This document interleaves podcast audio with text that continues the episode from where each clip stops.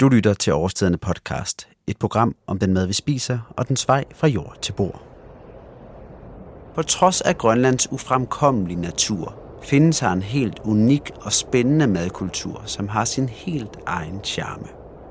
Derfor har jeg valgt at lave en guide, der tager dig igennem de tre perioder, som jeg mener har haft størst betydning for udviklingen af den grønlandske madkultur. Den første periode handler om de første mennesker i Grønland. De har vandret dagevis på havisen. De ved ikke rigtig, hvor de er på vej hen, men følger bare sporene af en stor flok rensdyr, som langsomt bevæger sig længere og længere mod øst. Det er vinter, så solen har de ikke set i flere uger. Pludselig kan de dog skimte bjerge i horisonten. De har nået den nordvestlige kyst på verdens største ø, den ø, vi i dag kender som Grønland. Det er 4.500 år siden, at de første mennesker satte foden i Grønland. De lever som nomader, der konstant er på farten efter byttedyr. For rensdyr, muskusokse og diverse spiselige planter er omdrejningspunktet for datidens mennesker i Grønland.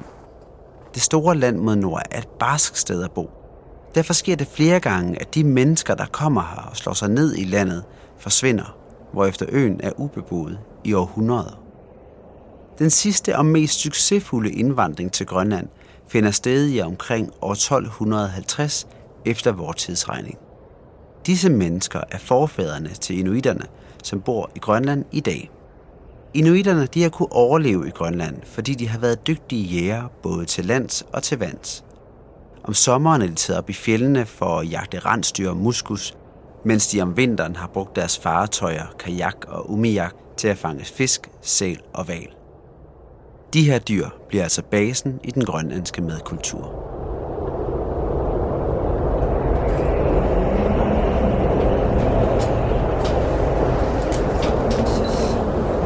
Med udgangspunktet på plads, spoler vi nu frem til nutidens Grønland. Her skal du møde Nicoline Bertelsen, der er en af Ilulisats unge entreprenante kvinder, som er lykkedes med at lave sin egen café.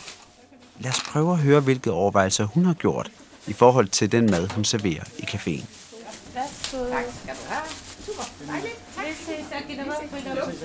Jeg startede med, at øh, jeg boede i København i seks år.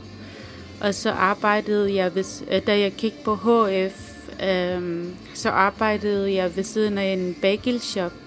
Så var jeg her om sommeren øh, og arbejdede øh, som guide.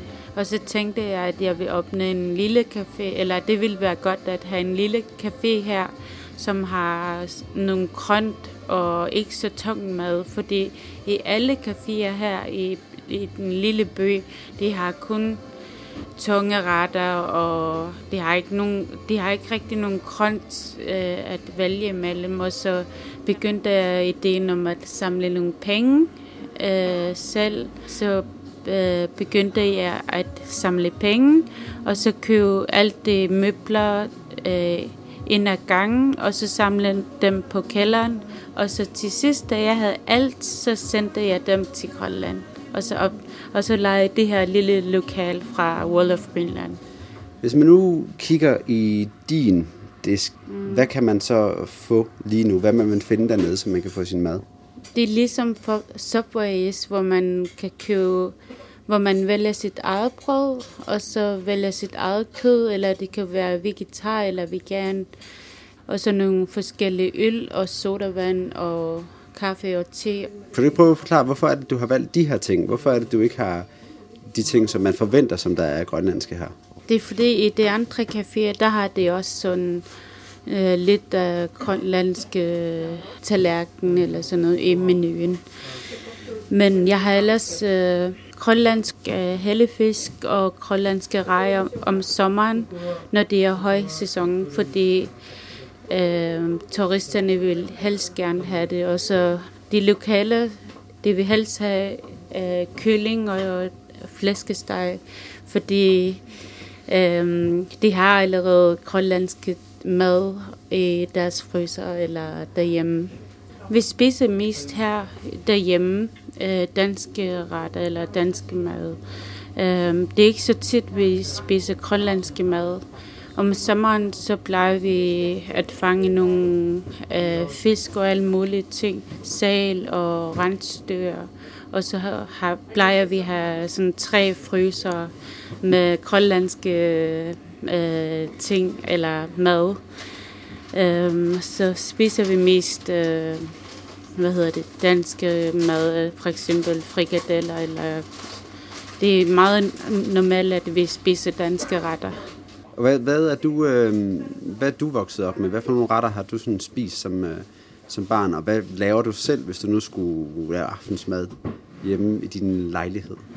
Jeg er vokset op med at spise øh, for eksempel spaghetti med kødsovs, eller frikadeller, eller en gang om ugen, der plejer vi at spise noget grønlandske retter, for eksempel sal, eller val, eller hellefisk, øh, suppe.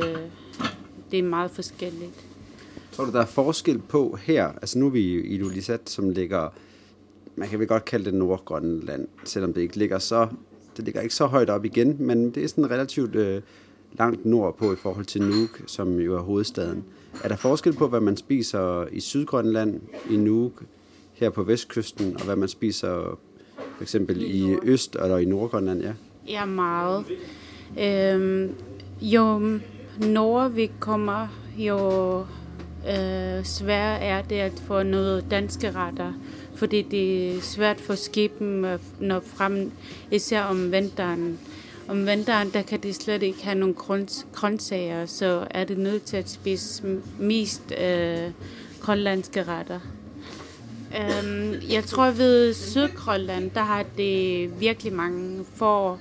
Det tager sig af forerne der, og deres traditionelle er meget sådan, hedder det for på ja, det grønlandske for, ja. ja, ja. Um, og så har det nok også meget anderledes øh, madkultur. Herover om vinteren, der plejer vi øh, især ved herfra og så op ved nord, så plejer vi at øh, fange nogle hellefisk, og så mm, mens det er frossen, så skærer vi dem i sådan nogle strimleragtige lange strimler, og så hænger dem, og så skulle de tørres øh, frossen, så øh, fedtet skal være der i kødet, den øh, fiskeolieagtigt. Så plejer vi at spise dem, når det er helt tørre. Og så nogle gange så plejer vi også at spise en helt rå, råt frossen øh, hallefisk.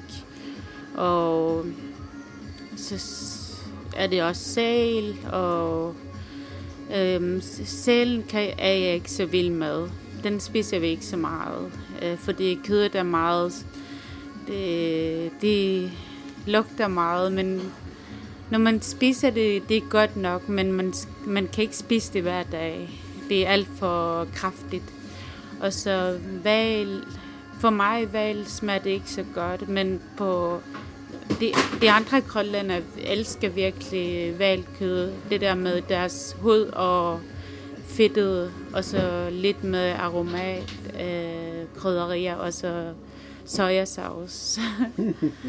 Lige nu, der er det, hvornår er det 23. februar, og is, vi, jeg tror ikke, øh, skibet kan komme hertil indtil marts eller april måned, når isen er smeltet igen. Nu er det helt frosset til, så, så butikkerne vil være virkelig tomme, og så får vi kun flyvevarer, øh, grøntsager og... Men det du har her, er det fløjet ind, eller er det bare frostende øh, ting, som du tør op igen? Jeg bestiller ved sådan en øh, angro, hvor det øh, det mest frosne og fra, en, fra nogle dåse, sådan syltet, og jeg prøver så mest som muligt at have frostne, og så tyde dem op. For eksempel majs og ærter, og eller så nogle gange, hvis flyet ikke kan komme, hvis vi har stormvejr, så kommer det først senere, sådan torsdag. Så nogle gange, så kan vi også ikke have nogle iceberg i to dage eller sådan noget. Så folk, de vil helst have noget iceberg i deres salat eller øh, bagel. Og hvad hvis, så hvis ikke man har det, hvad får man så? Hvad er alternativet til iceberg salat? Jeg plejer sådan at lave, Øh, jeg plejer sådan at være lidt kreativ med at lave hvidkålsalat og rødkålsalat, og så øhm, øh, blande det lidt op med olivenolie og salt og og citron og få dem til at smage lidt bedre. Men mest af dem er meget sådan optimistisk over det, når vi ikke har noget at vælge imellem. Det her var et lille indblik i, hvordan det er at have en café i Lulisat, hvor maden ikke er så forskellig fra det, vi kender fra resten af den vestlige verden. Og med det er vi nu nået til anden periode, som jeg har valgt at fokusere på, i forhold til at forklare den grønlandske madkultur, nemlig kolonitiden. En mand står i kolonihavnen i Nuuk og spejder ud over vandet. Han kigger efter skibet fra Danmark, som er på vej med varer. Manden er den dansk-norske missionær Hans Ede, som i 1721 kom til Grønland for at kristne vikingerne. Han fandt aldrig vikingerne, men valgte i stedet for at tage hjem at missionere blandt inuiterne. Edes ankomst blev begyndelsen på koloniseringen af Grønland. Med koloniseringen blev den danske kultur og dens traditioner langsomt en del af livet i Grønland, og den kongelige grønlandske handel begyndte at sejle varer til og fra Grønland.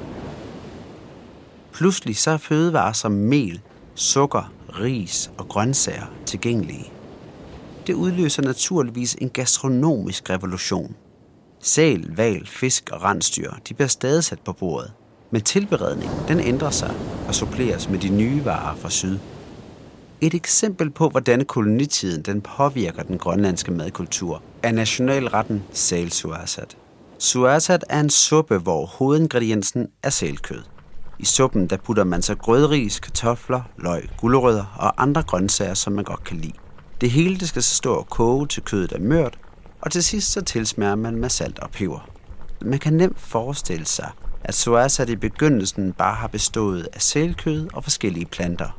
Med koloniseringen har retten så fundet sit endelige udtryk, hvor den er blevet tilført nogle af de fødevarer, som kunne holde til den lange transport over havet. Kaffemik er et andet eksempel på, hvordan den danske kolonisering har haft indflydelse på den grønlandske madkultur. Kaffemik det holdes i forbindelse med fødselsdage og første skoledag, barnedåb med mere. Ordet kaffemik det kan oversættes til at betyde noget i retning af at fejre noget med kaffe, hvilket er en klar markør for, at det må have været efter koloniseringen, at denne måde at mødes på har vundet indpas. Til kaffemik serveres ofte hjemmelavet æblekage, rosinboller og småkager, hvilket får det til at minde lidt om et klassisk dansk kaffebord. Det grønlandske aftryk kommer så med specialiteter som rensdyr og muskuskød, tørfisk og rejer. Kolonitiden er altså den anden periode, som har haft stor indflydelse på den grønlandske madkultur. Og med det vender vi nu tilbage til nutiden. Sidste var vi på besøg i Genia Café, hvor Nicoline arbejder. Nu er jeg taget op på Hotel Arctic, hvor Brian Larsen er køkkenchef. Og her der skal vi høre, hvilken mad man serverer på restaurant Ulo, som er blandt Grønlands bedste og fineste restauranter. Ligesom der er nyt, øh, ny nordisk mad, så har vi valgt at kalde det ny grønlandsk, øh, hvor, vi, øh, hvor vi primært kun skal bruge øh, de grønlandske råvarer. Ikke? Vi har jo rigtig mange bær heroppe, sorte bær og artiske øh, blåbær, som, øh, som vi går ud og plukker. Vi øh, har en rigtig mange forskellige urter heroppe, øh, som, øh, som vi også bruger rigtig, rigtig meget tid på. Vi har Øh, fjeldsyre og noget, man kalder hønsetarm og, og kvan. Kvanen, øh, den øh, sejler vi over til discoen en gang om året. Øh, alle kokkene, og så samler vi kvan til et års forbrug. Fordi at, øh, det er det så en kort periode, så, så der skal vi, øh, der sejler vi derover 70 km væk. Man kan sige, det der er vigtigt for os, det er, at, øh, at, at vi kan bruge kvanen til, til stort set alt. Vi, øh, en, øh, en, kvan, en kvanplant er jo, øh, det, er jo, det minder meget om en bjørneklo. Øh, den har nogenlunde samme højde, store blade, og bladene dem tørrer vi og bruger til, øh, til, til smør og alle sådan nogle ting, og, og til, et, som et krydderi. Øh, resten af planten, den øh, bearbejder vi, via, hvor vi øh, sylter den, og bruger den øh, lidt i desserter. Og, og til vores, øh, vi laver noget kvangravet hellefisk og sådan noget. Øh, men det er, det, er, det, er en, det er en vigtig ingrediens i det grønlandske køkken. Og hvad, er den, hvad, hvad smager den af? Jeg synes, den smager lidt af, den har lidt smag af selleri. Øh, og lidt nødagtig. Så kvanplanten er i virkeligheden et meget fint billede på sådan den generelle tilgang ja. til, hvordan køkkenet fungerer. Altså man har en plante, mm. man bruger bladene, man bruger stænglen, man mm. bruger blomsterne, man bruger alt, hvad der kan bruges på den. Ja. Og så bruger den på mange forskellige måder. Ja. Og det er måske lidt det samme, der går igen med, vi kunne tage sælen, eller hellefisken, eller andre planter, der ligger herude omkring, at det handler om at få brugt så meget af det, fordi vi er så isoleret heroppe i forhold til andre steder. Og man kan sige, at heroppe er det jo, er det jo vigtigt, at, øh, at du bruger alt, kan man sige. Ikke? Øh, hellefisken hvor du, hvor du øh, koger øh, øh, filererne, og hvor du, øh, hvad hedder det, hovederne bruger du til, til, til fonger og sådan noget. Øh, sæler, der bruger du alt på sælen, ikke? Spiser leveren, alt. Øh, og, og det kan man sige, det er jo det, det er jo noget, vi kunne lære af, kan man sige, ikke? Altså, vi smider sgu bare ud, ikke? Øh, men øh, hvor, hvor heroppe, de har sgu lidt mere respekt for de ting. Man fanger heller ikke bare, bare man tager ikke bare ud og, og fanger fisk for sjov.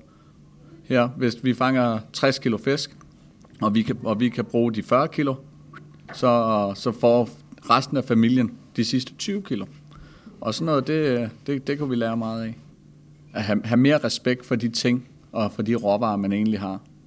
Øh, det, det, kan, det kan alle lære noget af. På trods af, at det er sådan rimelig barsk heroppe, så lyder det som om, der er virkelig mange forskellige ting at bruge i virkeligheden, selvom, selvom det kan virke som om, der ingenting gror. Jamen det er der, bestemt, bestemt. Øh, hen over sommeren, på en periode på cirka to, to og en halv måned, øh, blomster det overalt herude. Jo. Øh, hvis vi så tager lidt sydpå, så får vi øh, nogle grøntsager inden for noget, der hedder Amalik, hos en, der hedder Sten, øh, som, øh, som har en lille, øh, en lille have, hvor han, øh, hvor han øh, laver grøntsager til os. Øh, og det er jo fantastisk, fordi det tror man ikke kan lade sig gøre, men det kan det. Og hvad er det for nogle, altså det er løg og gulerødder og sådan nogle ting, eller? Ja, det er, det er løg, gulerødder, persillerødder, pastinakker, rødbeder, øh, spinat, alt muligt, ligesom, øh, ligesom øh, man kan gro hjemme i Danmark. Så, så det, det arrangerer vi med ham en gang om året, at øh, han skal plante det og det og det, og så, og så så han det for os.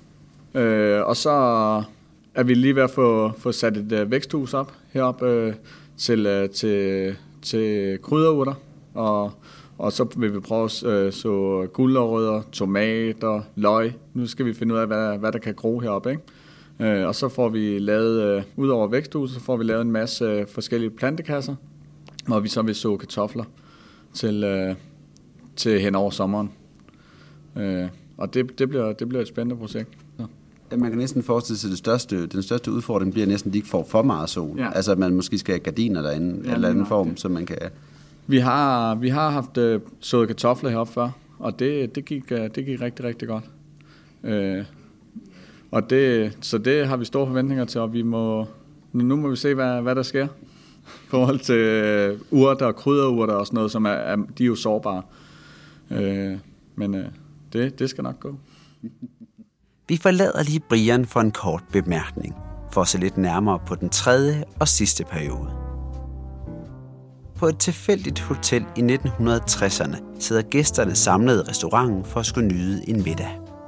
De skal hverken have suarsat med dæk eller tørfisk. Forretten den består i stedet for af stjerneskud med grønlandske rejer og kogt torsk. Hovedretten er rensdyrkølle med flødestuede kartofler, og som dessert er der fløderand. Tidligere kan man sige, at hotellerne serverede grønlandsk mad med et dansk tankesæt. Ideen var, at man naturligvis skulle smage den lokale mad, men gæsterne måtte jo godt kunne genkende retterne, så de ikke blev skræmt væk. I 1953 der ophører Grønlands status som dansk koloni.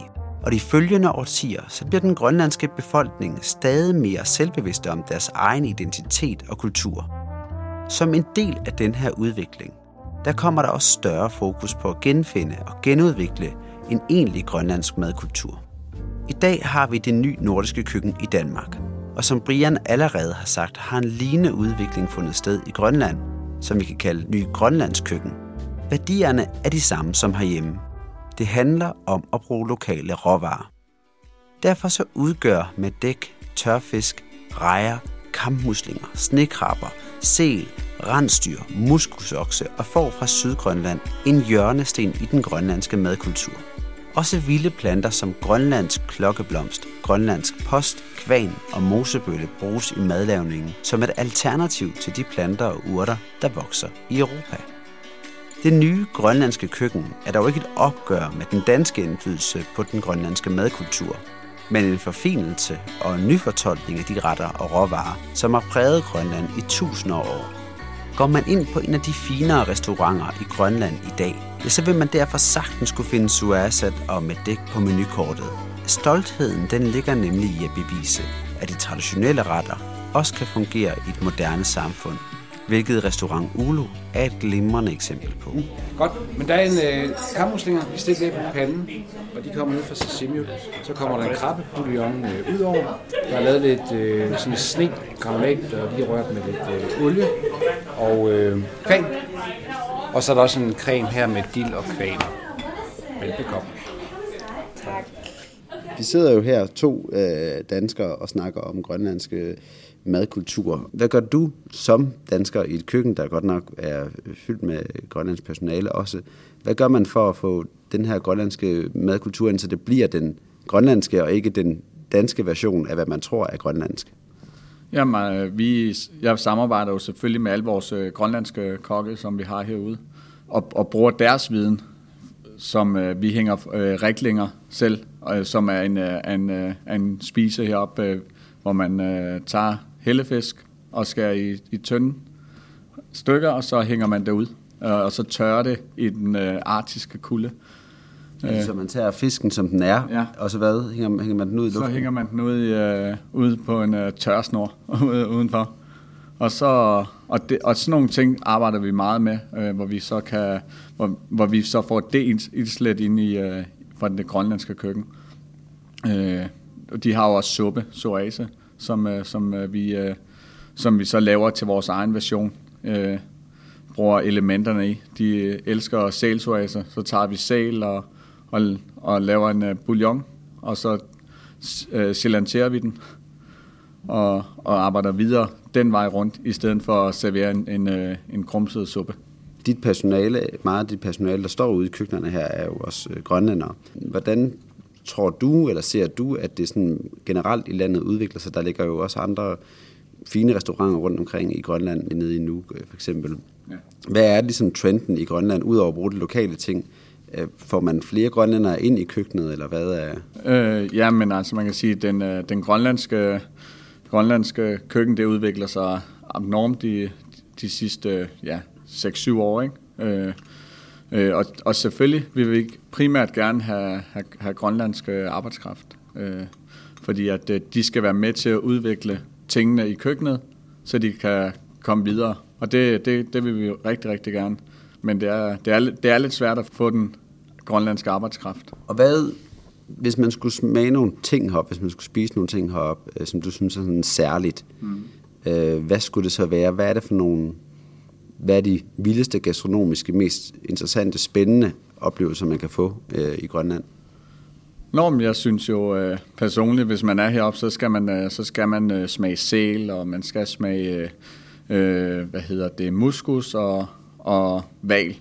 Øh, og, og specielt øh, matdak, øh, øh, huden fra, fra valen, øh, som godt kan være lidt øh, speciel. Men, men jeg synes, når man er sådan nogle steder, som, man, man, som her, så, så, skal man, så er der sådan nogle ting, man skal smage. Og det har sådan lidt, øh, lidt nød, øh, nødagtig smag, når det er, når det er råt. Her slutter denne udgave af Årstiderne podcast. Jeg håber, at du er blevet lidt klogere på, hvad den grønlandske madkultur står for, og dermed også, hvad vores venner mod nord har at byde på rent gastronomisk. Vi lyttes forhåbentlig snart ved. Der er gus.